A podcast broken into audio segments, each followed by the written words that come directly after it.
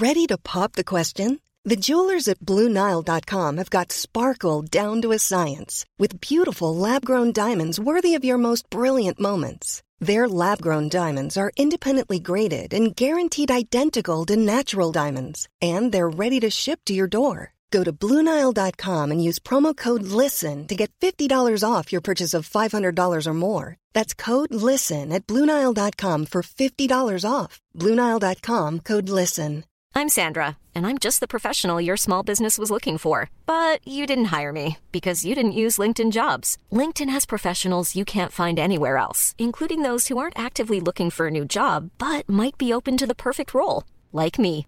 In a given month, over 70% of LinkedIn users don't visit other leading job sites. So if you're not looking on LinkedIn, you'll miss out on great candidates like Sandra. Start hiring professionals like a professional. Post your free job on linkedin.com/people slash people today. Ever catch yourself eating the same flavorless dinner three days in a row?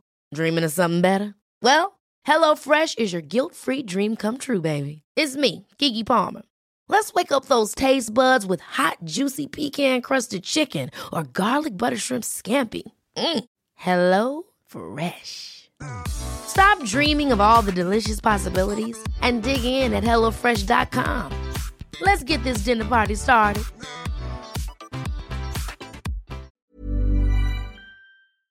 Fan jag hade ju, jag vaknade ju precis nästan för att jag försov mig lite. alltså kom jag på varför jag sov så dåligt. För jag tänkte fan jag ändå, fan jag har ändå sovit typ sju timmar i natt. Det är ändå mycket för mig du vet. Det är väldigt mycket för dig. Och så bara när jag vaknade så hade jag det så här, det bara kröp på kroppen på mig. Jag tänkte bara, alltså har jag haft en mardröm eller? Så kom jag på att jag drömde att det var såna här, du vet såna små vita eh, likmaskar i sängen. Nej fy fan Alltså jag drömde, jag hade drömt att, att det var det.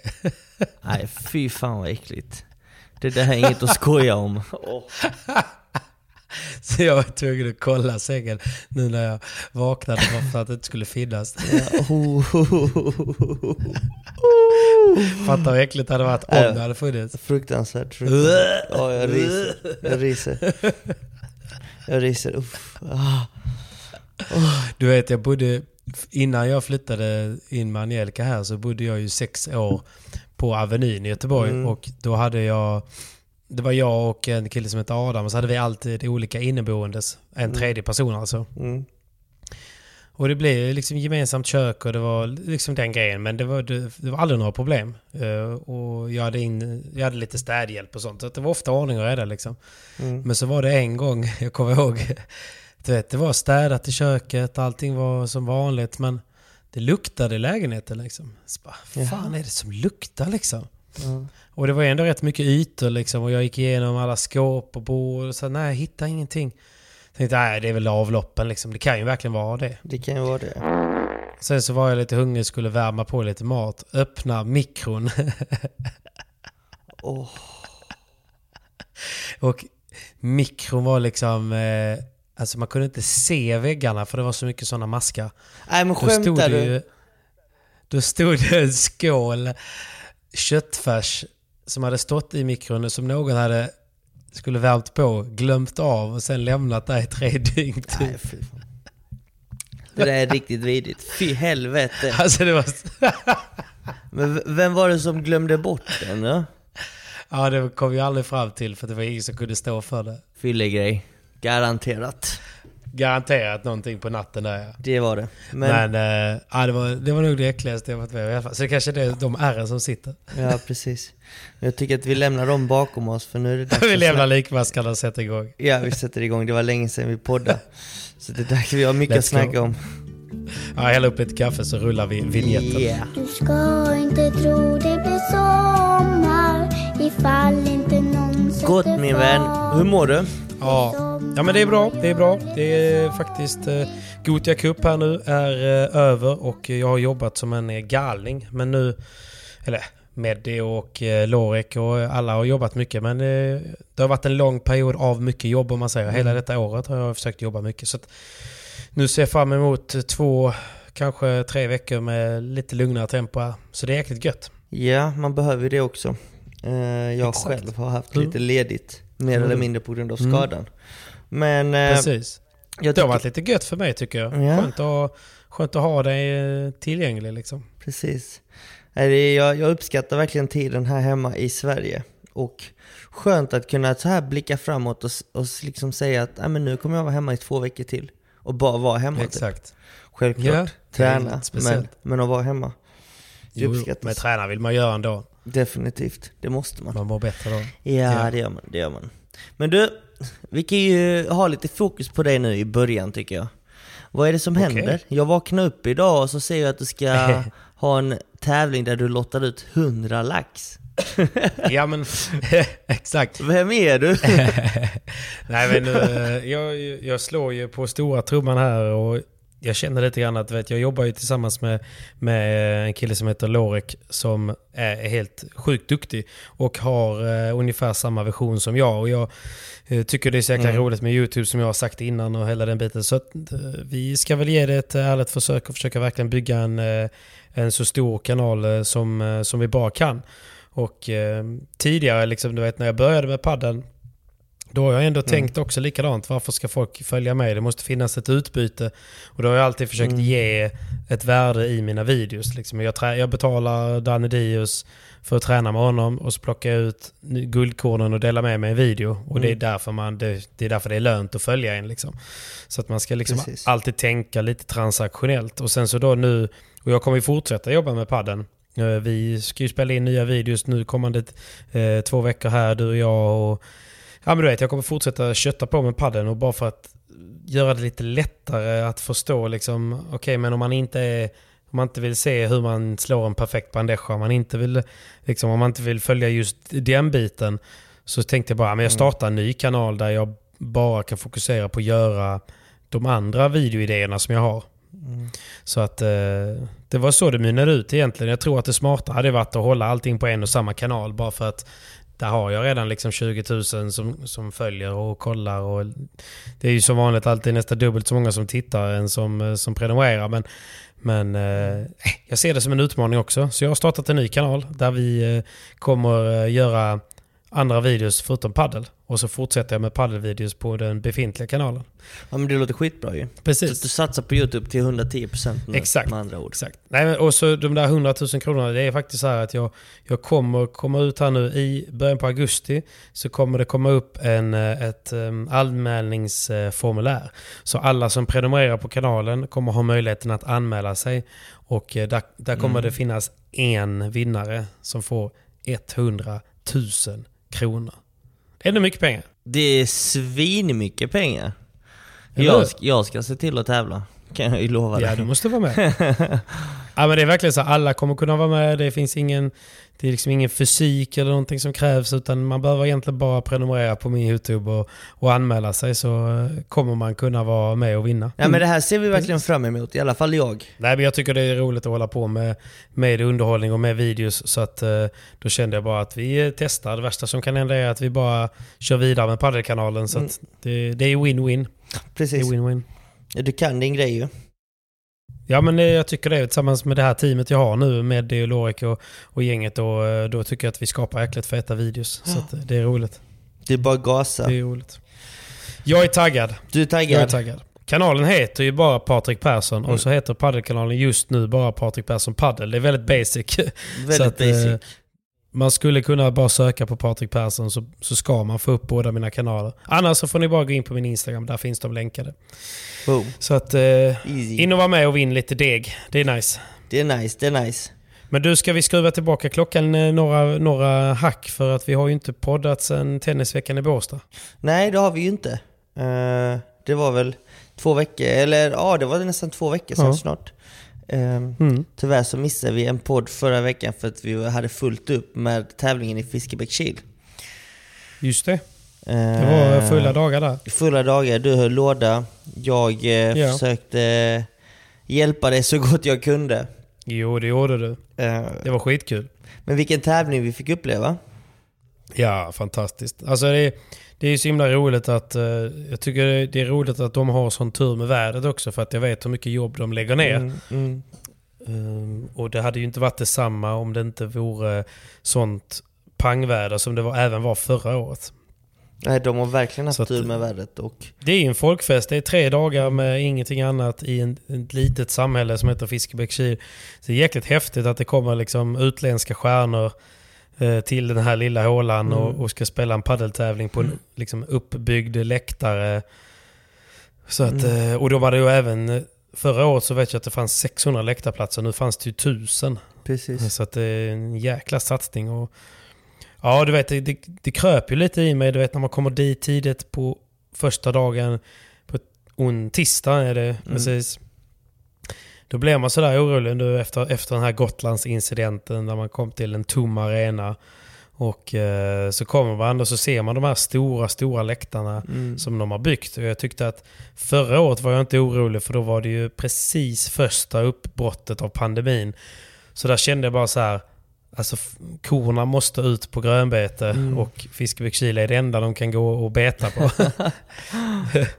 så där var jag liksom aldrig orolig och, och det fylldes på rätt snabbt och det var ju bara en läktare. Nu var det dubbla läktare med större baryta, ja, du vet, mer förväntan. Och man visste inte om vädret skulle bli lika bra som första året. Så jag, det var en stor klump i magen när jag anlände. Men det redde ut sig rätt bra. Verkligen, och fulla läktare fick vi. Eh, Ja. Nej men alltså vi får ju ge arrangören en stor eloge för att de tänker på, Verkligen. på allt viktigt för spelarna men även för eh, gästerna. Alla, alla Mm. som är där som är åskådare. De ser Jo men de är ju proffs eh, på, de är ju proffs på det där. De håller ju på mycket med... De har väl arrangerat en hel del golftävlingar och, och eh, Rene har ju väldigt mycket restauranger och kan ju service. Och Rene, Janne och Jocke är ju de tre arrangörerna tillsammans med jättemånga, eh, vad ska man säga, funktionärer Mm. som får det, får det möjligt. Liksom. Så att de, eh, de har gjort det bra. Men det är, det är faktiskt lite sorgligt vet, när man ändå ser vilken succé det blev Mm. för andra året i rad. Och sen så, jag bodde ju hemma hos en av arrangörerna Mm. och han berättar ju det att eh, nej men det är ju succé, värdet stod helt rätt. Men ändå backar de typ 200 000. Ja, alltså jag vet inte hur man räknar på det. För att de kanske back, backar lite, som du säger, på evenemanget. Men sen så vet man inte heller hur mycket merförsäljning man får av alkohol och mat. För att känslan jag fick, alltså Fiskebäckskil är ju liksom en liten, liten ö. Och alla småstäder där runt omkring, alltså det, det, det är bara småstäder ju. Eh, Alltså det är bara sommar, Jo, jo. sommarställen. Men de, de man pratade med där under tävlingen, för det var rätt många som kom fram, då kände man ändå, det var några från Norrland som hade tagit sig ner, det var några från Ja. Norge som hade tagit sig ner. Du vet, det var ändå mycket folk som tog sig ner för Mm. bara tävlingen, vilket innebär att Visst. då får man väl ändå en merförsäljning på, på boende för de som hyr ut. Där i närheten alla hotell och vandrarhem sålde väl Mm. ju slut på alla sina rum. Jag vet att Joel, Ja, ja, det fanns ju ingenting. nej, nej, Joel min, alltså min manager för två veckor sedan, alltså två veckor innan tävlingen Mm. så kunde han inte hitta ett enda rum liksom. Nej, Eh, precis. sen så alla restauranger var ju fullbokade varenda kväll. Så att jag vet inte hur Ja. det är i vanliga fall men jag menar detta var ju ändå en tisdag till torsdag så att då sålde man ju ändå slut på det mesta i Fiskebäck och eh, Fiskebäckskil samt Grundsund tror jag. Där jag Mm. bodde. Så Jo. att, eh, på så Jo, sätt så är det nog ändå ett eh, väldigt bra arrangemang och väldigt bra för alla lokala småbutiker tror jag. Verkligen. Nej men du har helt rätt där och jag tror att de försöker förklara det också. Att det, sen du vet ju själv hur det är. Det var ju till och med någon som hade klippt eh, internetkabeln. Det drogs ju en 500 meter lång fiberkabel för att vi skulle ha bra internet i Studio Padel. Det var ju någon som hade klippt den på natten där, från onsdag till torsdag. Det är helt Så det är galet. alltid så här, det är alltid någon som bor i sin stuga där och som störs då med att det spelas lite musik eh, efter åtta på någon kväll liksom. Och då skulle det, så har det inte varit innan. Och så, men du vet, och det här ska vara lugn och ro. Så klipps det. Och kanske inte man tänker på det du precis säger att ja, men, tre dagars arrangemang, man får hit tusen personer som bor, spenderar och, och äter på, på plats. Det gör väldigt mycket för, för sommarkrogarna. Det gör det verkligen. Eh, Så det- var grymt kul att, eh, det verkligen, att, de, att de verkligen satsade på stort. Och det är väldigt sällan man ser en tävling ha så mycket publik. De tävlingar Ja. jag har sett I Sverige Som- är det ju så. Ja, men även internationellt. Jag menar, om vi ska jämföra eh, dessa två läktare som var fullsatta på finaldagen. Mm. Alltså då får vi liksom kolla på en VPT-tävling. Eh, och då får, kan vi inte kolla första dagen på VPT utan då får vi kolla en kvartsfinal, Nej, semifinal, final. Eh, lika Exakt. så med Premier Padel. Du vet, Premier Padel har dock gjort det sjukt bra för att redan från kvalomgångarna så tar de ju dit skolor, de tar dit olika föreningar och fyller läktare även, även från första dagen, alltså första matchen i kvalet. Eh, Ja. Vilket är sjukt bra, jag älskar det för att då får även vi som inte är i, i slutspelet riktigt eh, vi är inte vana att ha så mycket publik så då är det extra kul att spela framför publik och det Jo, är en precis. av anledningarna till att det är så underbart att spela i Sverige. Det är för att vi oftast Mm. alltid fyller alla arenor mer eller mindre. Jag minns ju själv nu under SM senast jag spelade i Sverige så sa jag det Mm. till Danne och Andreas, jag bara fan, de har ju sålt slut på varenda biljett. Det kan ju bara betyda att de satsade för lite egentligen. ja men de borde ju satsat lite, lite mer och nu såg man liksom grabbarna från Fiskebäckskil de, eh, de anordnar en, en osanktionerad tävling vilket innebär att det är en tävling som egentligen inte innehåller några rankingpoäng överhuvudtaget utan man spelar bara för prispengarna och äran. Och ändå lyckas de sälja... Liksom. Ja precis, och ändå lyckas de sälja slut på varenda biljett. Vi får se Mm. tusen pers uppe på läktaren. Och det är väldigt sällan man spelar inför tusen pers måste jag säga. Så att sjukt bra nätverk måste dessa gubbar ha och de har gjort ett jävla jobb på att verkligen marknadsföra det rätt. För det är väl också någonting kanske som vissa torer gör mindre bra tycker jag. Och det är ju marknadsföringsbiten. Som, som alla kan bli mycket, mycket bättre på. Och de har ju verkligen tagit hjälp där också. De vet ju vad, vilka deras starka sidor är och vad de, deras starka sidor inte är. Så att de, de har ju ett sociala medier-team Mm. på tre personer, en, en byrå som, som kör egentligen hela året, Mm. Ja. den här tävlingen. Och det gör ju också mycket. Det gör ju också jättemycket. Så att, eh, nej, det, det är skitkul. Men det är ändå, tycker jag, lite trist alltså. Och oroväckande att även den absolut mest framgångsrika tävlingen som vi har, trots att den inte är sanktionerad, inte ens den kan man, skapa, kan man göra lönsam. Nej, men det är också så här, Längre. Nej. Sen är det svårt att räkna hem det. Jag vet att VPT är också rätt så luriga där på den fronten för att de separerar ju intäkterna på lite olika sätt. Så försäljningen av öl och mat ibland på vissa arenor, de räknas inte in till tävlingen. Vilket innebär att det blir ju inte en korrekt avläsning av resultatet egentligen tycker jag. Nej, jag vet, jag vet. Men, man ska ju Men- inte behöva vara beroende av det, Nej. tänker jag. Alltså för att, eh, för att eh, kunna arrangera den här Nej. typen av tävling. Men sen är det ju också, det, folk, det folk inte riktigt vet är ju liksom, du vet, en läktare, bara den läktaren som fanns i Fiskebäckskil.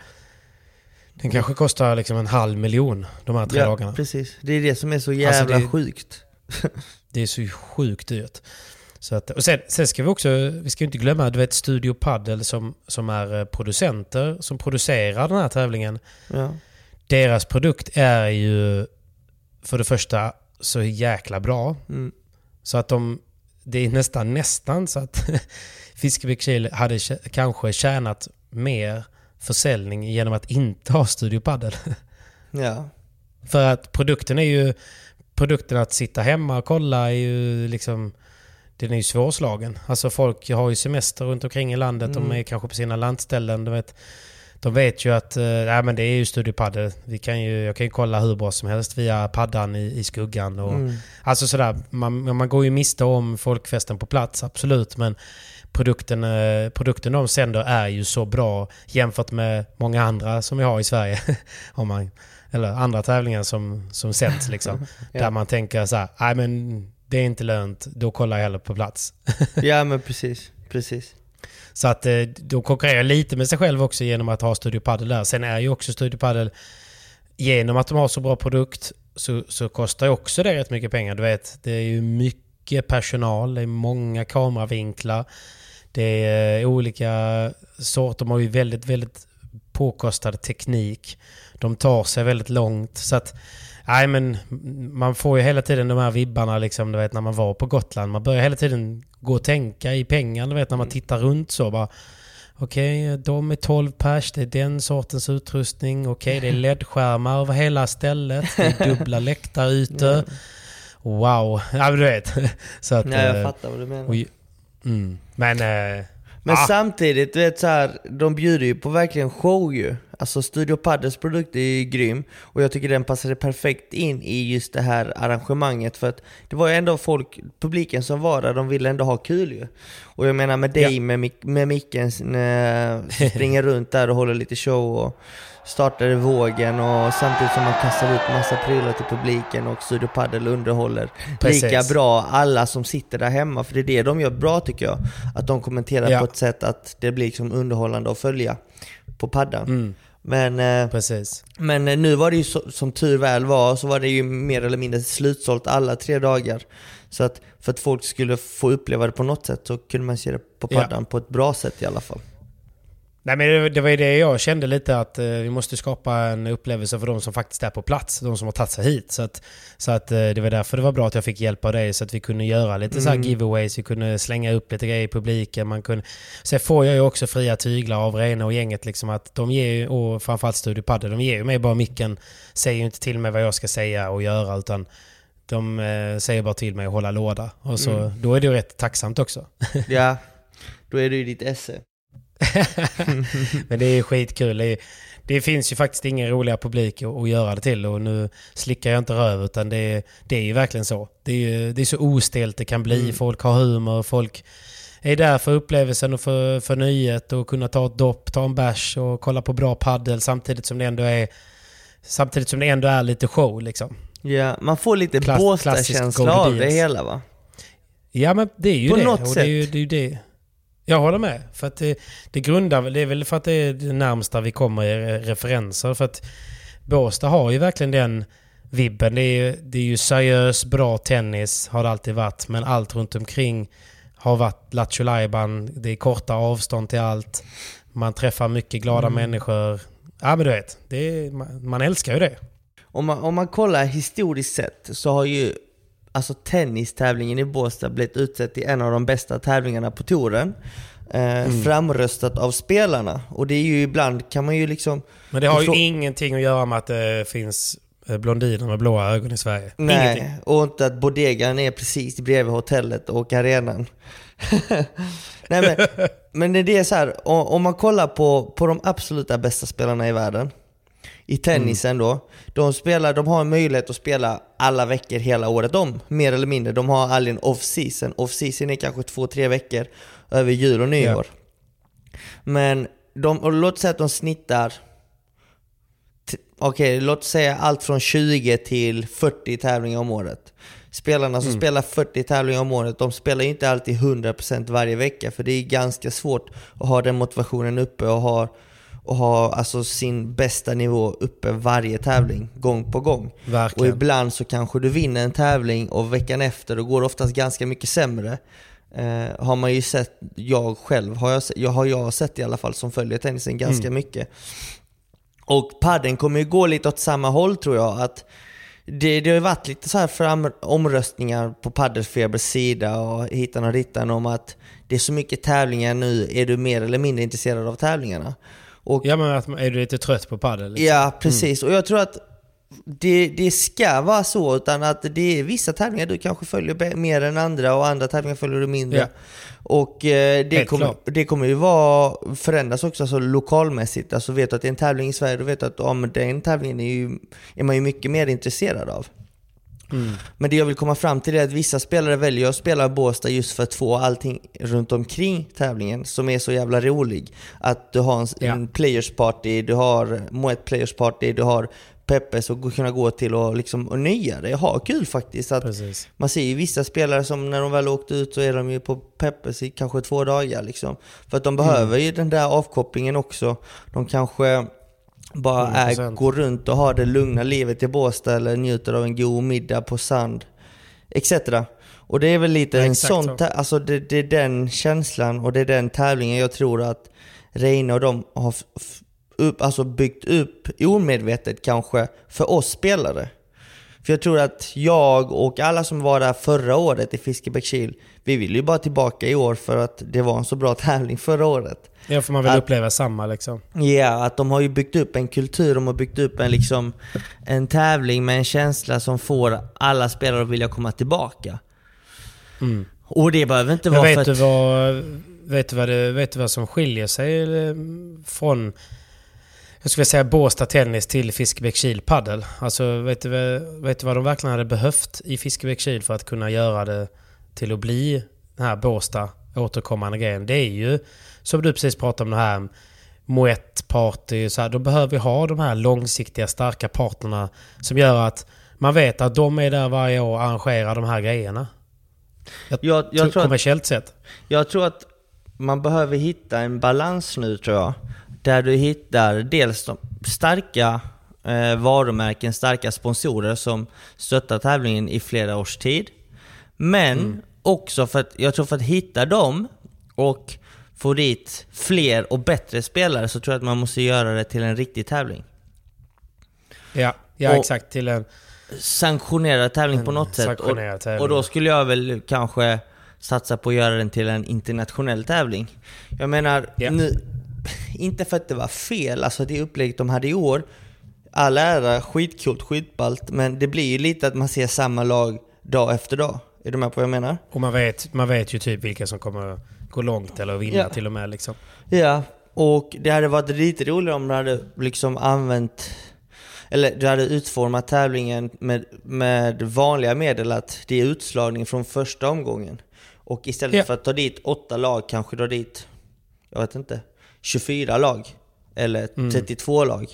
Det innebär liksom att det är fler lag som möts, publiken får se fler olika matcher, de får se Precis. flera olika paddelspelare, flera olika karaktärer. Och det blir inte lika tråkigt att följa, för om man kollar Studio Padel Invitationals tävlingar så är det ju mer eller mindre samma par varje gång ju. Ja. Har du en, st- Ja, en ja. riktig tävling där det inte är invitational, där det inte är bara sex eller åtta lag, utan då får du verkligen se liksom olika matcher från första matchen till sista matchen varje dag ju. Mm, Och det kan ju också stärka och kanske knytas, kn- alltså om man ska knyta en stark sponsor så vill de kanske att tävlingen ska vara på riktigt för att sport, Ja. sport egentligen har aldrig funkat på låtsas. Uppvisningssport har inte funkat i någon idrott överhuvudtaget tror jag. Nej. Eh, Nej, Kanske Jag wrestling, jag vet inte hur den, hur den världen Ja, funkar. exakt. Men Det är det första som poppar upp i mitt huvud. Men golf, tennis, fotboll, uppvisningsmatcher i all ära, men de funkar inte i det långa loppet. Utan det är liksom... Nej, och man kan ju alltid, man kan alltid köra någon sorts uppvisning i kombination med en riktig tävling. Det är väl Precis. tennisen också rätt Det kan man göra. Att man, att man gör typ på kvällen eller dagen innan eller något sånt där så kör man sina publikfavoriter Mm. i en uppvisningsmatch liksom. Precis. Det är en annan femma, men jag tror att man måste Mm. ändå på något sätt... Och det... Göra det hur gör de det då? riktigt. Ska de kontakta FIP då eller hur, vilka? Man kan ju antingen eh, köra en FIP-tävling, man kan alltid eh, kontakta, alltså jag vet inte om man vill ha det att det ska ingå i Swedish Padel Tour, eller om man vill... Mm. Jag har alltid sagt att ju mer internationell padel vi gör än i Sverige, alltså att tävlingarna blir internationella, så kommer man locka hit dels utländska stjärnor självmant, de kommer vilja komma hit för att de jagar poäng. För det är det vi jagar hela tiden, det är poäng och resultat så att vi kan eh, kliva, upp, eh, kliva på rankingen. Sen tror jag att ju fler internationella tävlingar vi har i Sverige, desto fler svenska spelare kommer våga testa sina vingar tror jag. Jag tror Ja. jag nämnt det någon gång tidigare också att nu på World Padel vi är 3, 4, 5 stycken max i sin höjd som är ute och tävlar och det är alltid samma. Så du vet när man går in och läser kanske på de här eh, paddelsidorna. Okej, nu ska han spela pre-previa, hon spelar previa och så går det så här och så här. Men det är samma spelare hela tiden. Och då kan man ju undra Ja. sig varför. Alltså det finns ju fler spelare som kanske inte får ett wildcard för att spela VPT eller Premier Padel och inte har möjligheten att spela Premier Padel. Nej, hur ska man då alltså hjälpa svenska spelare och nästa generation att komma in i dessa tävlingar? Jo, det är egentligen Nej, genom att arrangera FIP-tävlingar. Då är det FIP Star, FIP Rise, FIP Gold-tävlingar. Och Mm. Och om man kollar generellt sett så är Sverige en av de starkaste paddelnationerna i världen när det gäller antal utövare och hur, stort, hur stor sporten är i landet. Eh, Men Sverige har bara utfört en FIP-tävling genom alla år. Och den var ju i Stockholm ju. Och den eh, arrangerades av Urban. Eh, och det är också helt galet att det har arrangerats en FIP-tävling. Och Men är det så svårt att få till eller? Nej, det tror jag inte. De har lite olika restriktioner eh, som man måste följa. Men det är Men det är egentligen bara... svårare än en, sanktionerad tävling Ja, som vi det- gör hela tiden va? Ja, alltså jag tror deras krav är väl inte mycket svårare att följa upp än en, en, en, SPT kanske.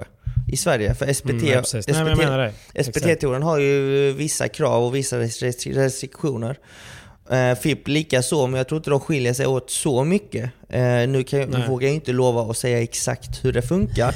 men jag vet ju att jag har snackat med han som är president i in, det internationella paddelförbundet, Luigi.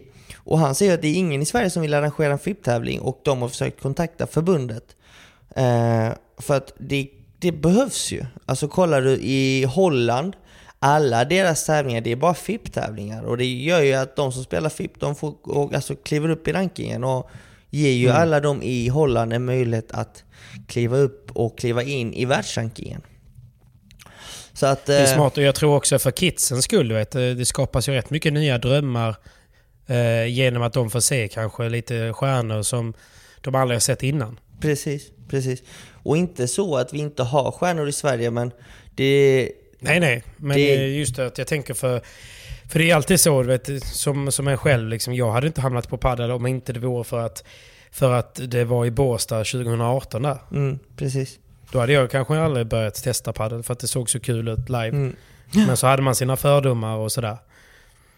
Så att eh, någonstans handlar det om att man måste inspirera för att kunna skapa nya stjärnor också. Och då, då hade det varit kul att få hit lite stjärnor eh, och, och sen kanske våra duktiga svenskar lär känna lite folk och så blir det att de spelar tillsammans med någon internationell spelare på någon tävling i, i Mm. Belgien eller någonting. Liksom. Och så på den vägen blir det.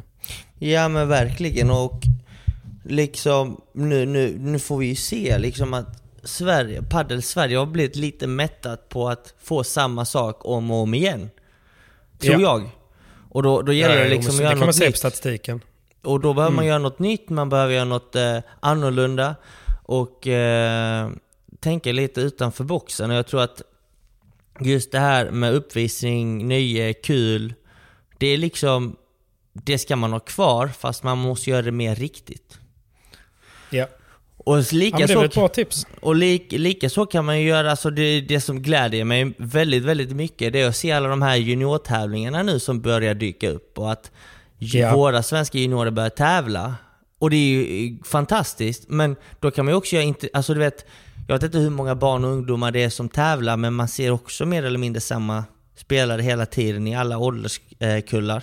Men de behöver också lite utmaning. Kan man inte försöka få hit eh, internationella juniortävlingar? Lite som Gothia Cup. Okej, nu ska vi starta världens största ungdomstävling eh, i Sverige. Jo, precis. Alltså du vet, göra en grej Men av det. Bull, Bull Paddle Explosion som de har nu, det är väl lite...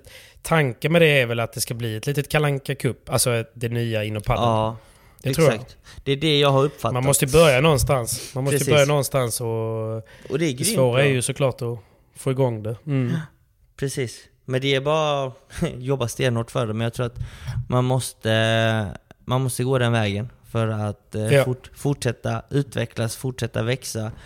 Och vi har inte nått alla målgrupper i Sverige heller. Så att överetablering, överetablering tror jag inte vi har, vi har nått. Utan det är snarare att vi måste liksom jobba lite mer för att eh, eh, nå alla andra grupper vi inte har gjort än.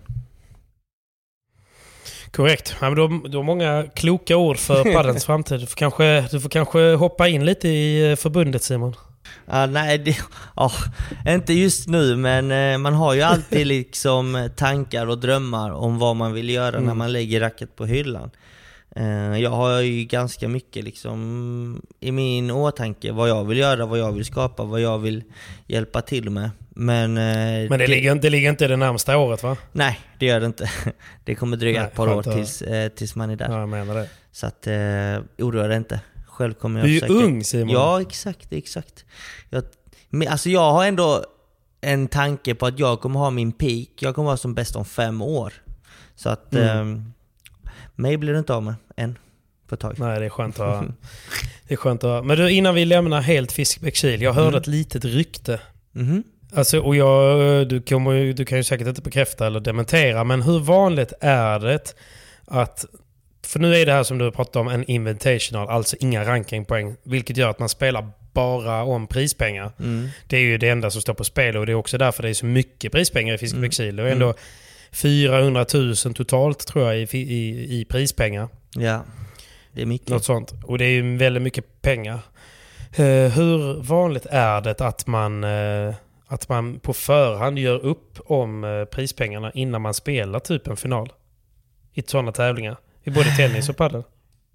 Det händer ju. Det händer Ja. ju. Eh, det är inte helt ovanligt faktiskt att man eh, gör upp om prispengarna Nej. innan man spelar en Jag hörde ett eventuell litet sånt final. rykte nämligen. Nej men det händer. Alltså när det är... Eh, när det skiljer sig lite mindre eller lite mer, alltså åt bägge hållen, om det är stor skillnad mellan första priset och andra priset eller liknande. Så ibland så, Ja. så går ju spelarna ihop och, och splittar eh, degen. För alla har rest långt och, och sådär liksom. Så istället för att det blir, skyt, alltså istället för att det blir 35 eh, till vinnande paret så gör man en deal från på förhand så kanske det blir liksom 27 och 5 till alla fyra istället. Mm, precis, precis. Det, det, det, det är självklart uppstår det. Eh, hur mycket, det vet jag inte. Eh, men eh, det har hänt vissa Mm. Fegis. tävlingar och det, det kommer egentligen så långt tillbaka som att det, hände ju under tennisen också. Men, Ja, jag menar det. men du vet, det händer mindre och mindre när, ju mer riktig tävlingen är. Ja, såklart. Eh, ju, mer, ju mer på skoj den är, desto mer För jag kan ju inte tänka mig att eh, liksom LeBron Galan och Paquito och Dineno gör upp eh, om pengarna Nej. inför en Premier Padel-final till exempel. Nej, inte riktigt. Det gör de inte. Det gör de Nej. inte. Men eh, det har ju Men hänt. de är inte heller så beroende av pengarna för de har ju ändå så pass bra sponsorkontrakt och annat. Jag, tycker, att- jag tänker att det pengarna spelar ju ändå lite större roll. Alltså tittar vi här liksom 70 000 till vinnande paret. Det, är inte, det finns ju inga andra tävlingar egentligen i Sverige som, som har den typen av prispengar. Vinner man en SPT så vinner man väl 30 000 va? Eller 35? Nej, 30? det är... Pff, nej, inte så mycket. Borde jag du tror, veta?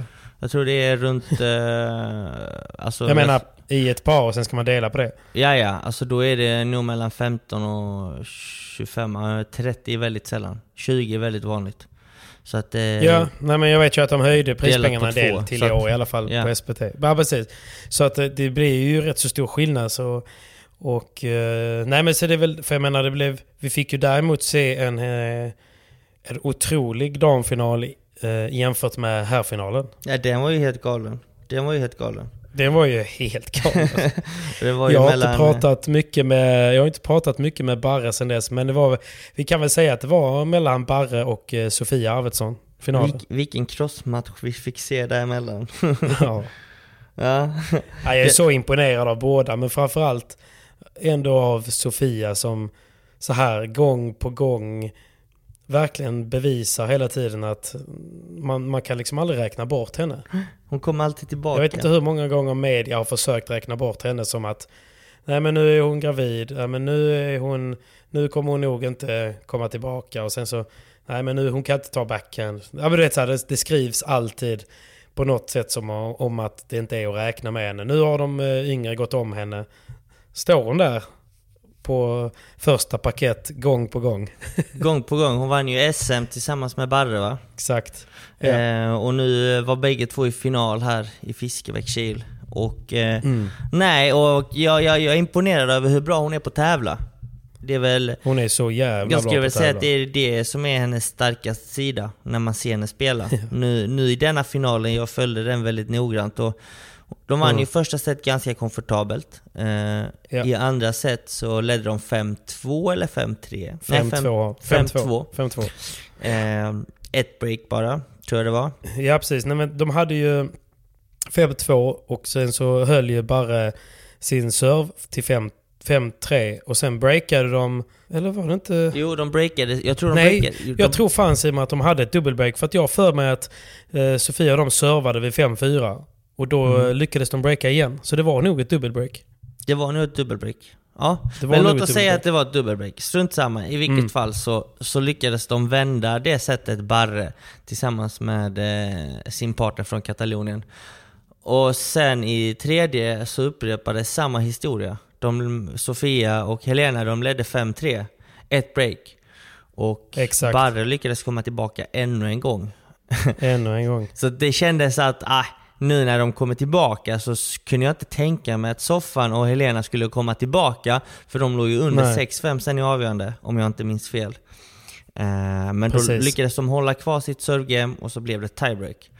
Tiebreak. Eh, och i tiebreak ledde de, och då ledde de 4-2 eller 5-2 och då sa jag liksom det- denna matchen kommer säkert vända en gång till. Men det gjorde den inte. Mm.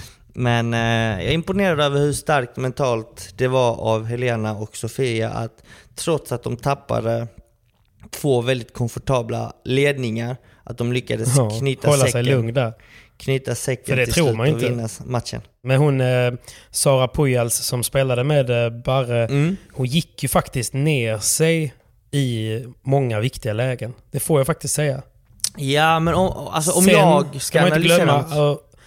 ja, det får du gärna göra för du är bättre än vad jag är. Men jag bara tänker på... Hon var ju bäst rankad eh, av hela startfältet. Sen Mm. tror jag också det beror på att Elena Wickert inte har haft möjligheten att spela så många VPT-tävlingar. Jag tycker ju annars att, i alla fall om man tittar på denna tävlingen, att, att Wickert var den bättre av de två. Sen Ja. bryr jag mig inte så mycket om rankingen. Alltså, Nej. Alltså om man utgår, om man, om man kollar på Helena och Sara då, så tycker jag ju Sara är mer produkt och Helena är mer talang. Sen så tror jag Mm. att det är lite, är lite så som du nämnde där, att Helena inte riktigt tävlat alla VPT-tävlingar detta året. Men det är också så här. Matchen här avgjordes ju mellan Soffan och Barre tycker jag. Alltså det, det var, det var majoriteten av... Båda, jag tycker att båda går, båda går vinnande ur matchen. Definitivt. Men kollar man på hur, alltså procentuellt hur mycket de rörde boll, alltså eh, Sofia och Barre kontra deras partner, så hade de ju betydligt mycket mer boll ju. Och det är också en Verkligen. svår grej att hantera som medpartner. Som för Sofia och Helena. Och där tyckte jag Helena... Att man alltid måste göra så mycket, ja. Precis. Ja men antingen göra, alltså man känner ju press att antingen göra någonting eller skapa någonting hela tiden. Och Ja. ibland så blir det liksom att där måste man ju hålla huvudet lite kallare och kyligare och verkligen liksom inte känna den pressen hela tiden att man måste hitta ett avgörande slag, att man måste hitta en winner eller att man måste hitta något, någon fin vinkel för att skapa ett, ett, ett läge för, för en själv, för nästa boll eller ens partner. Utan att man faktiskt ibland ändå måste spela enkelt. Och där tyckte jag ändå Helena till slut ändå var lite lugnare, lite kyligare och lite smartare i spelet. För att jag vet själv hur det är när man får lite boll. Det är sjukt svårt att spela bra padel då. Ja, Och jag tror att de flesta kan hålla med om att man spelar bättre padel när man får mer boll. Så att det är en Mycket boll, konst ja. att Precis. faktiskt spela bra padel med att få lite boll. Det, det, det är egentligen eh, det man kan säga, så att det, det är väldigt lätt att man ibland ser en match och paret är kanske lite ojämnt, en är mycket starkare än den andra men man tycker att de är jämna för att den bättre spelaren kanske begår lite för många unforced errors för att de går för, för, för svåra slag ibland. Och det är liksom för Men det förväntas också av dem. Det är ju i- det. det förväntas mycket mer av dem, men sen så kanske de har det lite svårare med att få mindre boll egentligen. Mm. Jo, nej men det är ju som du säger. Man, jag, jag är ju oftast den spelaren som får ganska mycket boll. så att, eh, men eh, vilket gör att jag älskar ju det. Alltså, jag blir ju alltid varm i kläderna till slut. Precis. Så att, eh, nej, jag tycker det, är, tycker det är nice. Men det är ju en svår uppgift att inte få, få boll och sen när man väl får den så förväntas det att man alltid måste avgöra den liksom. Mm, precis. Verkligen. Men det var en grym final och jag tror att det kommer nog eh, fortsätta ta några dagar till innan Barre eh, har smält den. För hon är också en eh, sjuk vinnarskalle. Så jag, jag, jag tyckte så synd om henne att eh, de behövde köra, de körde en prisutdelning direkt efter. Och Mm. Då skulle det vara lite god stämning och sådär. Men det, det spelar ingen roll om det är en sanktionerad tävling eller en vanlig invitational. När man har vänt, när man har vänt 2-5, 3-5 i två set i rad och sen faller på ett avgörande tiebreak. Man, ehm, man vill ju bara göra en här med Golistan och gå ut i skogen då och hugga ner ett träd, eller hur? Man vill inte stå på den prisutdelning då. Nej. Åh, gud vad tungt. Men jag tror också det kändes okej för henne för att hon vet att hon gjorde en bra match och det är kul att se Barre på Ja. alltså 100% utan några knäskydd och, och liknande. Och verkligen se henne njuta. Jag tror hon njöt väldigt mycket av matchen och atmosfären för att hon eldade på publiken väldigt, väldigt mycket. Så att eh, Mm. Barre hade show så att eh, jag tror hon ändå Hon hade var show, absolut. väldigt nöjd och Nej, hon har nog kollat om de där matcherna lite grann och kommer Ja. nog gå, gå vinnande, gå ut med en bra känsla Ja, till slut. Men eh, definitivt. Tolito gjorde ju sig ett namn i Sverige. Det var inte många som hade sett honom spela överhuvudtaget, framförallt inte live. Nej. Och eh, det, det, det är för att han spelar ju APT-touren och eh, Ja, har väl inte spelat någon annan tävling i Sverige förutom i Kungsbacka och då var det kanske inte jättemycket folk som följde eh, APT-tävlingarna där borta. Men eh, det är en spelare och en karaktär som urskiljer sig väldigt mycket från alla andra, tror jag, på touren. Mm. Och eh, han, han, jag skulle väl säga att han har de bästa händerna på touren, utan tvekan. Och alltså det är han är sjukt. fantastiskt bra på att läsa spelet. Så du vet, även Ja. om han är, kanske är lite större, så är han, Han är all- lite kraftigare. han, är, han är alltid på rätt plats. För att han läser spelet så sjukt Det är hans bra. problem. Padel blir ju inte förbränning för honom för att han läser ju så bra att han inte springer. Han behöver inte Ja, springa, nej, han ställer sig och- alltid rätt. Eller när han väl springer så bör han ju springa lite tidigare än alla andra. Och det innebär ju att Ja, han ändå är på väg åt rätt håll. Så att han kommer dit i tid. Så är han täcker så jäkla fina ytor hela tiden och som du säger har otroliga händer. Han maskerar varenda slag. Eh, det är inte bara att han har bra händer, att han kan lägga bollen var han vill, men det är också det här att han hela tiden liksom sent visar med sina händer vart han kommer slå bollen. Om det är en lobb eller om det är en dropp. Så, så fort, eh, lite som du vet när man lägger en straff i fotboll. När man springer fram långsamt mot bollen. Till och med stannar upp så att målvakten måste välja ett håll. För att annars hinner inte målvakten täcka liksom 50% av, av, eh, av målet. Så målvakten måste slänga sig till slut. Ja, Precis. Och då lägger han bara bollen på andra sidan. på andra Det sidan. var ju. Brolin, så, Brolin sa ju så att det, han missar ju aldrig en straff i sin karriär. Han Nej. bara, jag vet inte hur jag ska kunna missa en straff. Jag väntar bara på målvakten. Så jag lägger den i andra sidan. och lite så känns det som Tolito gör. att till och med när han blir lobbad så har han blicken framåt. Han, Ja. behöver aldrig, han tittar inte ens på bollen. Han tittar Nej, bara på nej. motståndarna samtidigt som han rör sig bakåt. Och sen så vänder han sig snabbt och kollar på bollen och så vet han precis vad han ska göra med den. Så det, var, ja, det var otroligt kul att se honom. Men kan inte du berätta, du berättade lite för mig att, för jag frågade lite liksom, hur, hur har den här, den här gubben blivit så här bra? Och lite så här att det, var, att det är liksom ett gatubarn av padden kan man säga. Ja men det är ju en... eh, Han är ju argentinare. Eh, Mm. Har spelat paddel hela sitt liv. Eh, och har väl egentligen... Ja, haft ett rack i sin hand hela tiden. Man kan väl nästan Ja. jämföra honom med, du vet de här eh, brassarna från Brasilien. Som kör lite joga bonito på gatorna och spelar fotboll och kan alla tricksen och är så sjukt skickliga. Det, Mm. och som, som också älskar att leva livet liksom. Han älskar sin Ja, men- donken och han älskar sig njuta och bara leva och ha det gott Mammas också. ris. Eh, Ja. Och det, det är väl en bra beskrivning på Tolito tror jag. Att eh, han, eh, han vet ju vad han är bra på. Han vet... Han har ju sån erfarenhet inom sporten och han är så udda Mm. som han är eh, i sitt spelsätt samtidigt som han är sjukt, sjukt stabil. För när man ser honom Ja. spela så tänker man ibland så gör han inte så mycket men han får så mycket utdelning av det. Och det är för att han Mm. läser spelet, han spelar väldigt neutralt för att neutralisera spelet och sen kommer han alltid nå, nå, något showslag när han ska avgöra vissa bollar. Så att det är liksom en, en spelare som får dig att känna dig sjukt obekväm. Men det är liksom, det är liksom samba, det är liksom Joga Bonito när han spelar och han, han föddes med ett rack i handen. Och sen, Ja. sen dess så kanske han inte är den spelaren som alltid lyssnar på tränaren utan han bara ja, ja visst. Men så gör han sin grej. eh, Jo, precis. Jag vet inte, jag, jag upplevde det lite som att hans första match med Kaje, nu när de spelade, då upplevde jag honom som lite nervös. Faktiskt. Alltså för att eh, det kändes lite som att, alltså Kaje är väldigt etablerad här, att han skulle spela med honom och han ville ju inte gå in.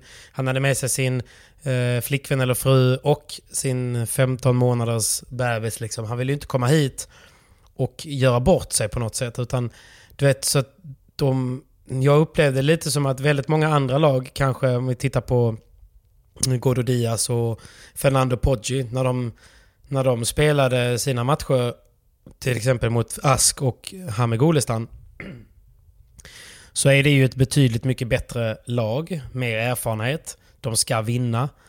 Men, och jag tror att de hade kunnat vinna stort, men tills, det blir ju ändå du vet, underhållande padel. Det blir långa bollar, det blir långa game. Sen kanske resultaten ändå blir 1-2 eller ganska stora 2-2 eller något sånt där. Men det, behö- alltså det hade säkert kunnat bli ännu större, men det behöver inte bli det för att de är så bra på att lägga sig. Så att de vinner, men det blir underhållning och så vidare. Jag upplevde lite som att när han och Kaje spelade sin första match, han kunde inte lägga sig på någon lägre nivå för han ville verkligen inte komma hit och göra bort sig. För han visste ju inte vilka motståndet var. Så att mm han spelade ju bara på och gjorde sitt bästa och gjorde sina vinnande slag. Och han var ju så i chock hela tiden med Okej, nu jublade folk. Ska jag göra mer av det här då? Liksom. Du vet, lite, lite Ferdinand så sett. Så att, nej, han, eh, det var ju en gång när Viktor till exempel skulle försöka få dem ur spel. Mm. Du vet, han tog en långt, eh, lång paus. Peter Claes ropade time och då sprang han ut och låtsades ta lite gorillagrepp som Kaj alltid gör. och så gick han in på planen igen och så började ju alla skratta och till och med Kaj skrattade. Men Tolito fattade inte vad som hände ju. Han tittade ju på Kaj, han tittade på domaren, han tittade på motståndet och okej, folk skrattar men okej. Och då blev det som att det föll ner på honom. Ah, han dissar Kaje. Ja men det kan, jag inte, det kan jag inte acceptera. Och sen gjorde han typ tre så här helt brutala stoppbollar. för att liksom, för att försvara sin partner. Förstår du vad jag menar? Ja, ja, ja.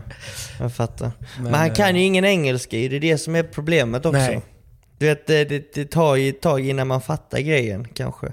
Och sen så tror jag ändå Ja. att det var så pass mycket pengar på spel att han var ju Såklart. otroligt seriös i spelet för att Han ville vinna, vinna dem, ja. i alla matcher. För de vann ju, de, vann ju, de gick igenom tävlingen ja, utan problem liksom.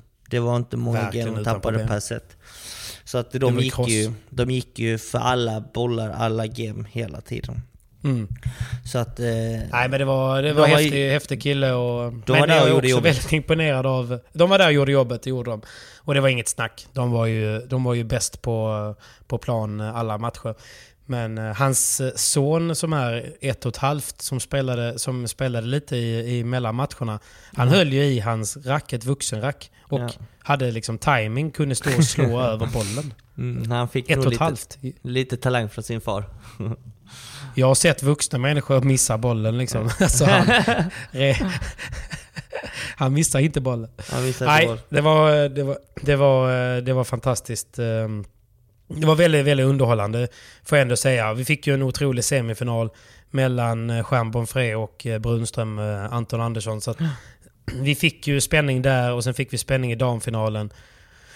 För även om inte herrfinalen det var nästan lite skönt för damfinalen var ju en sån pers på nästan tre timmar att man, man hade liksom inte så mycket mer i sig och, och en till sån match hade nästan blivit för mycket. Ja, då hade man ju liksom, ja, jag vet inte.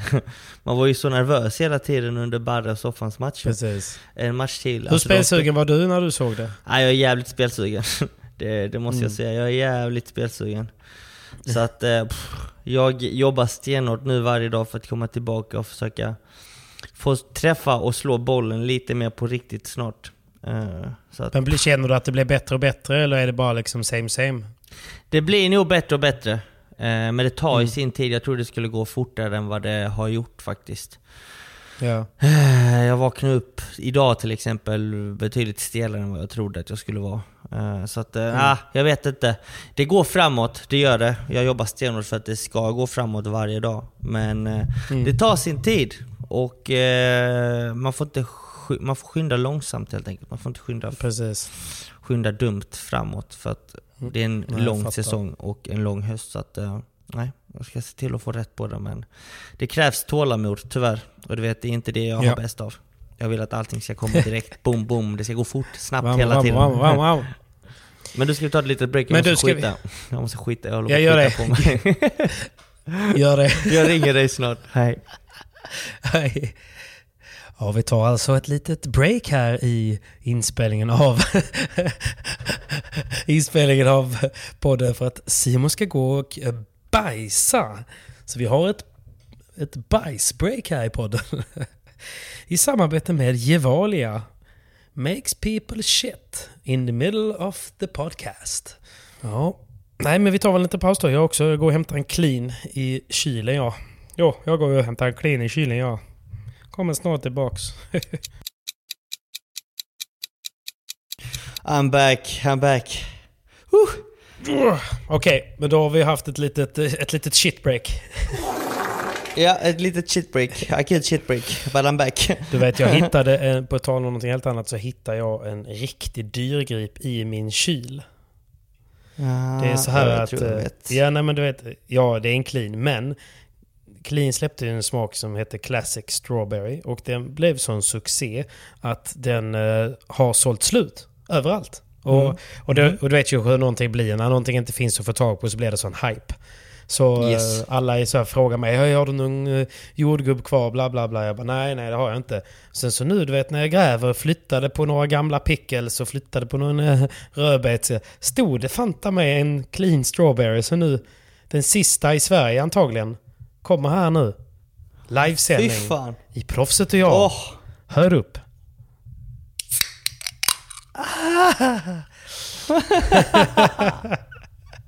den lät nästan lite gött ju. Ah, det är sommar du. Summer, summer, summer.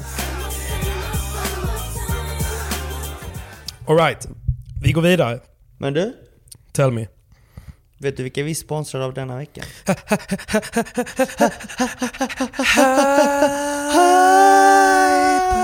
Hyper! Jag gjorde ett tyst skrik för att min sambo ligger och sover. Men det är ändå, det är Ah, ändå, ja. det är ändå ett skrik. Det är ändå ett skrik, den är bra ändå. Ja. Så att ännu en vecka sponsrad av Hyper och eh, är vi glada vi kan snacka om egentligen, det är egentligen eh, förra veckans resultat från World Battle Tour. Lite skrälla. Eh, ja, ja, det kan man ju lugnt säga att det var. Både ja och nej, om du frågar mig. Jo, det är ja, okej. Det, det, det var ju bara en tidsfråga, men på pappret är det ju en skräll. Ja, definitivt. Definitivt en skräll på Så papper. Eh, Galan och LeBron, de åkte ju i deras första omgång, alltså andra omgången mot Miguel Benitez Lara, som är en 75-rankad spelare som i vanliga fall spelar Pri Previa eller Previa. Så jag precis sån kille Eh. som du brukar möta. Mm, och han spelade tillsammans med Gonzalo Rubio, och de Mm. har precis faktiskt, detta är deras andra tävling. Ja, för första de tävlingen så- har inte spelat ihop innan, nej. Nej, nej precis, och eh, deras första tävling, då kvalar de in. Eh, jag tror det var i Valencia. Och eh, denna tävlingen så kvalar de in och vinner två matcher. Stark eh, öppning för paret du. Satan ja. Mm. Eh, det kan man ju lugnt säga. Så att eh, pff, jag, jag blev väldigt överraskad i stunden att eh, de skakar om världsettorna. Mm. Men vi får inte heller glömma, som jag har nämnt många gånger tidigare, att eh, det är mycket tävlingar i år.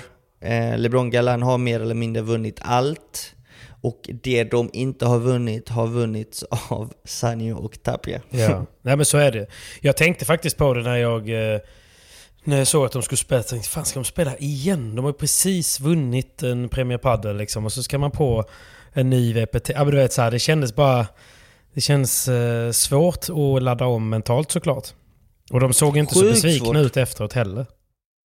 Nej men eh, Podji sa ju till oss där på spelarmiddagen Mm. i Fiskebäckskil att de är liksom De är utbrända mentalt ju för att det Mm. har varit så mycket tävlingar, så mycket press, så mycket förväntningar Och de har gått in och levererat mer eller mindre varje gång och när de inte har vunnit så har de ju förlorat en final Och finalerna har de ju förlorat mot Tanj- eh, Sanjo och Tapia Ja. så att det, det är liksom så här. Ja, vadå, förlora första omgången, deras första omgång, det blir liksom världens grej. Men samtidigt, kolla lite de senaste veckorna, hur har det gått för dem? Hur många matcher har de vunnit? Hur många har de förlorat? Knappast några matcher i år liksom. Nej precis. Så att... Eh, och, och, och Sen ska man ju eh, säga också att alla som, alla som möter dem, oavsett var, är ju ett lag som potentiellt sett kan vinna mot dem. Alltså det spelar ingen roll om det är Ja. 32-rundan, 16-rundan. Alla de lagen kan vinna mot um, LeBron Gallan. Ja, alltså om man kollar på världspadden och generellt sett inom sport så är det alltid 1, 2, 3, 4, 5 lag som är lite outstanding. Mm. Som vinner mycket mer än alla andra. Men alla utmanare, har de en bra dag så självklart kommer de upp på samma nivå. Verkligen. Och det är, så är det ju även i tennis. Alltså det är klart att de bästa är de bästa. Men om de skulle gå ner sig lite en stund eller liksom ha en dålig dag. Då, alltså en 112-rankad spelare är ju fortfarande så jävla bra. Alltså förstår du vad jag menar? Ja, ja. Definitivt. Så man kan liksom inte gå in och bara... Man kan inte bara gå in och bocka av det en match. Det är möjligtvis eh, några få givetvis. Men annars Mm. krävs det ju att man är där. Verkligen, definitivt. Så att, eh, nej. Det, det är någonting som förvånar de flesta men inte mig så överdrivet Nej, inte mycket, så, så att jag tappar, faktiskt. liksom, tappar hakan, Hakan. fullständigt. Nej. Utan tvärtom känner jag bara så här. Jo, givetvis. Jag blev däremot bara väldigt glad. Vi satt ju tillsammans på... Det var ju precis när vi satt på banketten där efter Fiskebäckskil och jag fick igång en... Jag fick igång en uh, fullstream på VPT eh, eh, via någon VPN som laggade lite liksom. Så att vi fick se de sista bollarna i tiebreaket och Mm. det var ju ingen avslagen match. Det är ju därför jag tyckte det var extra kul att de faktiskt fick gå och vinna. Utan det var ju vä- väldigt heta bollar. Och, um, Rubios partner är ju verkligen en, ett underhållningspiller som ska bli kul att få följa framöver också. Mm. Verkligen. Så att, eh, nej. Jag är bara Eh, glad det för Rubio. Jag vet vilket jobb han lägger utanför banan också. Han är, Ja, och sen är han typ den bästa partner man kan ha. Han, han stöttar en i, i vått och torrt. Liksom. Jag tycker att han är, han är ett, liksom, ett föredöme för alla paddelspelare ute. Så det är jäkligt kul att han får det breaket som han förtjänar efter många års slit. Nej, exakt. Exakt. Det, det gör han och han är en grym partner som du säger. Och nu var det ändå så här, många sa aha, nu byter han ner sig ganska rejält Exakt. till en 75-rankad spelare. Mm. Men whip sa det. Started from the bottom, now tåget. here. Går Exakt. som tåget nu ju. Och vår, vår vän och svensk favorit Miguelito Yanguas får äntligen tvåla till sin andra vän Paquito, Din Paquito Dineno. Först- Först, Paquito Navarro.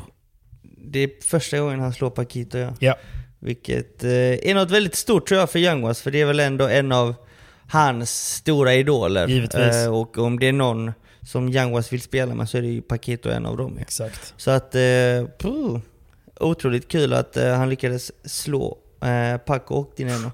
Och inte bara det, han följde upp den segern med att slå Chingoto Teo. Det är inte alls dåligt heller du.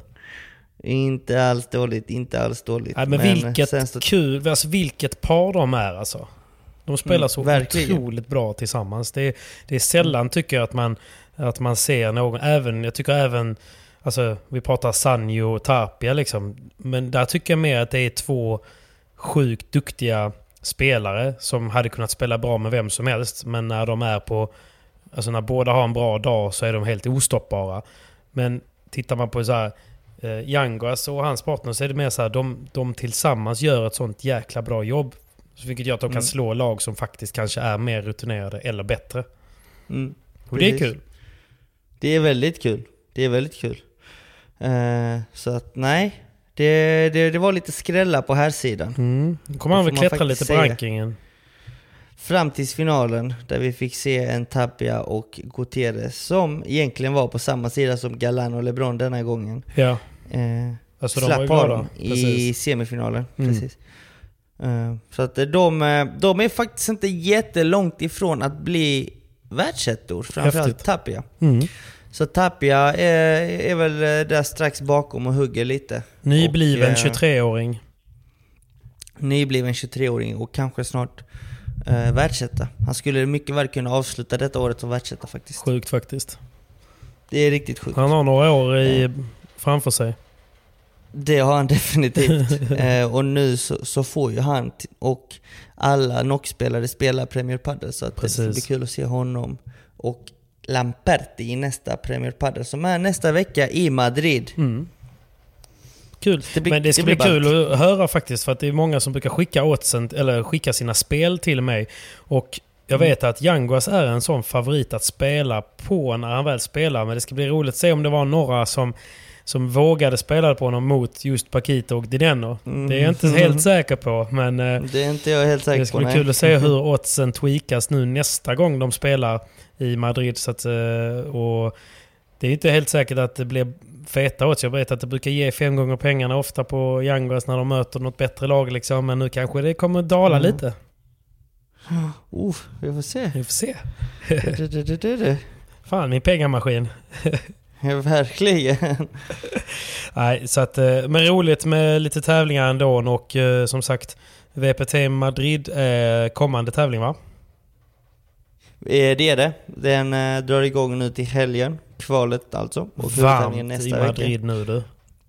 Det kommer vara varmt, men de kommer nog spela indoor, alltså inomhus med lite Aircondition då. Mm. aircondition. Så att det får vi vara glada för. Ja, verkligen. Verkligen. Ja, men vi kommer ju såklart påminna om eh, oddsen så fort de kommer ut och eh, precis som alla andra World Padel Tours så kommer ju så att man kan spela på vem som vinner själva tävlingen innan, eh, innan eh, kvalet drar igång, innan huvudtävlingen sätter igång. Så att eh, fram till tisdagen tror jag det är och sen så kommer det ju kvartsfinalen på fredagen, fredag morgon, semifinal lördag morgon och grande finale på söndag morgon. Så håll utkik, håll utkik på oddsen där och följ oss på Proffset Jag och följ Hyper så ni inte missar några goa, goa odds. Eller hur? Nej men exakt gubben. Tack Så så, mycket Hyper och eh, ladda ner appen eller eh, logga in på, på hemsidan bara. Precis, precis. Nej men eh, missa inte det. Man måste vara 18 år, man kan besöka stödlinjen och man ska som vanligt spela ansvarsfullt. Tack snälla Hyper.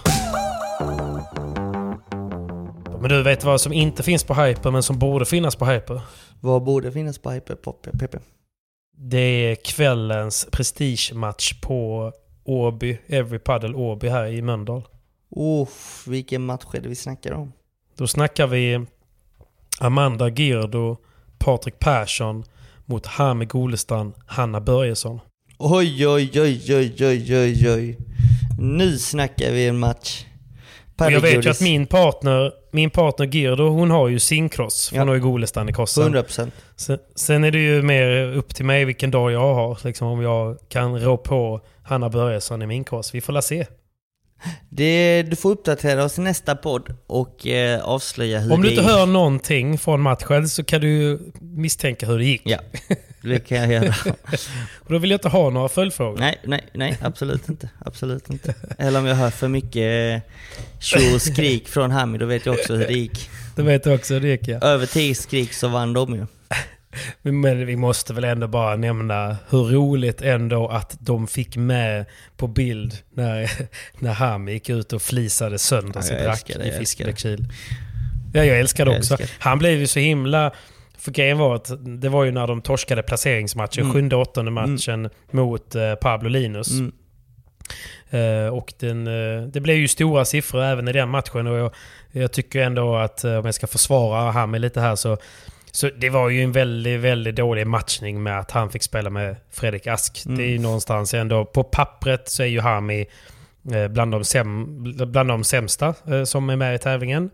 Bland svenskarna. Och Asken skulle jag säga är liksom sämre än Hami. så att det var ju verkligen de... Alltså, det, om man skulle försöka balansera upp det på något sätt så kanske mer... Men Hami skulle spelat med eh, eh, Gaspar. Typ. Ja, ja. Och, alltså det, det kanske hade varit lite jämnare, eller till, till och med Tolito då. Ehm, så sätt, så att, eh, så att jag tror att... sämsta. eh, Men det spelar ju inte någon roll i, i hans huvud. Han är ju vinnarskalle så han går ju in, han vet ju att han kan... eh, han har ju vunnit mot Linus på träningsmatcher och annat liksom, så det är ju inte absolut omöjligt. Men när det då blir 6-1, 6-1, då, då blir det ju att man blir... Man, ehm, ja, men man blir förbannad. Såklart. No, I'm not mad. De, de känslorna måste ju ut ju och han, han är ju så pass smart att han ändå inte vill... Han vill ju inte göra bort sig, han har ju sponsorer och annat ju, så att han vill ju inte eh, ta ut sin eh, ilska på banan. Nej. Så han springer ut från buren, eh, springer bort en bit in i skogen tänker han liksom. Mm. Och där bara släpper loss och det tycker jag är helt rätt. Men så har ju den här... Det var ju alltid en filmare som sprang runt och fångade publiken lite och annat. Och av någon slump då så var han ju just på bana två för de spelar ju inte på centerkorten. Och då var den här filmen på bana två såg att Hami sprang iväg. Så tänkte Nej, men jag tar ryck på honom liksom. Och så zoomade in när han stod och högg ner ett askträd där liksom. Åh herregud. Ja, jag ser inte de två spela tillsammans på någon kommande tävling. Det gör jag inte. Nej, det tror jag inte heller. Men eh, ja, det... Vi får tacka Hami ändå för showen som han bjöd upp till Absolut. i Fiskebäck. Verkligen, verkligen. Och eh, det är alltid kul med en, viral video. Så att... Eh, Mm. Om inte annat. Om inte annat. Men vi eh, får väl... Eh, ska vi försöka summera där eller? Ja, jag tycker Långt att avsnitt eh, vi har ett ganska gott avsnitt och vi tackar Mm. er kära lyssnare för att ja, ha tagit er tiden att lyssna på vårt skitsnack ännu en gång. I vanlig ordning. Jag hoppas ni njuter av er semester. Jag tänker att jag ska gå på semester idag, men just nu så spöregnar det och jag har inte sett regn på flera veckor. Så det blir nog en dag med lite bokföring ändå. idag. Så att, eh, jag tar semester imorgon Ja, istället. ja. Men jag hoppas att eh, ni njuter av er semester där hemma. Tveka aldrig att eh, skriva till oss om det är någonting ni undrar över eller vill höra mer om eller bara köta om. Det är skitkul när vi ses på tävlingar och jag uppskattar alla som kommer fram och säger lite peppande ord ibland. Det är Ja, jäkligt häftigt. verkligen. Lite genant ibland, man bara tänker att vi tar upp er, er tid. Men det är jäkligt häftigt. Det är häftigt. Men du, ska vi eh, gå, gå ut med någon god låt? Har du någon på lager? Eh, vi kan väl gå ut till... Vi går ut till fina tunes av Volare av Danny Ocean. Och Simon, vi ses i veckan. Och alla ni lyssnare, ta hand om er. Ta hand om er. Ciao. Ta en blomma för mig också.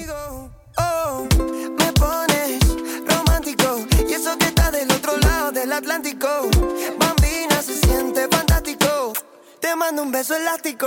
Yo voy, tú ven, tú ven, yo voy. Tú me traes Nutella, yo te enseño Savoy. Tú tan playa, positano, yo tranquilo morrocoy. Ey, quiero ser tu Babylon boy. Volaré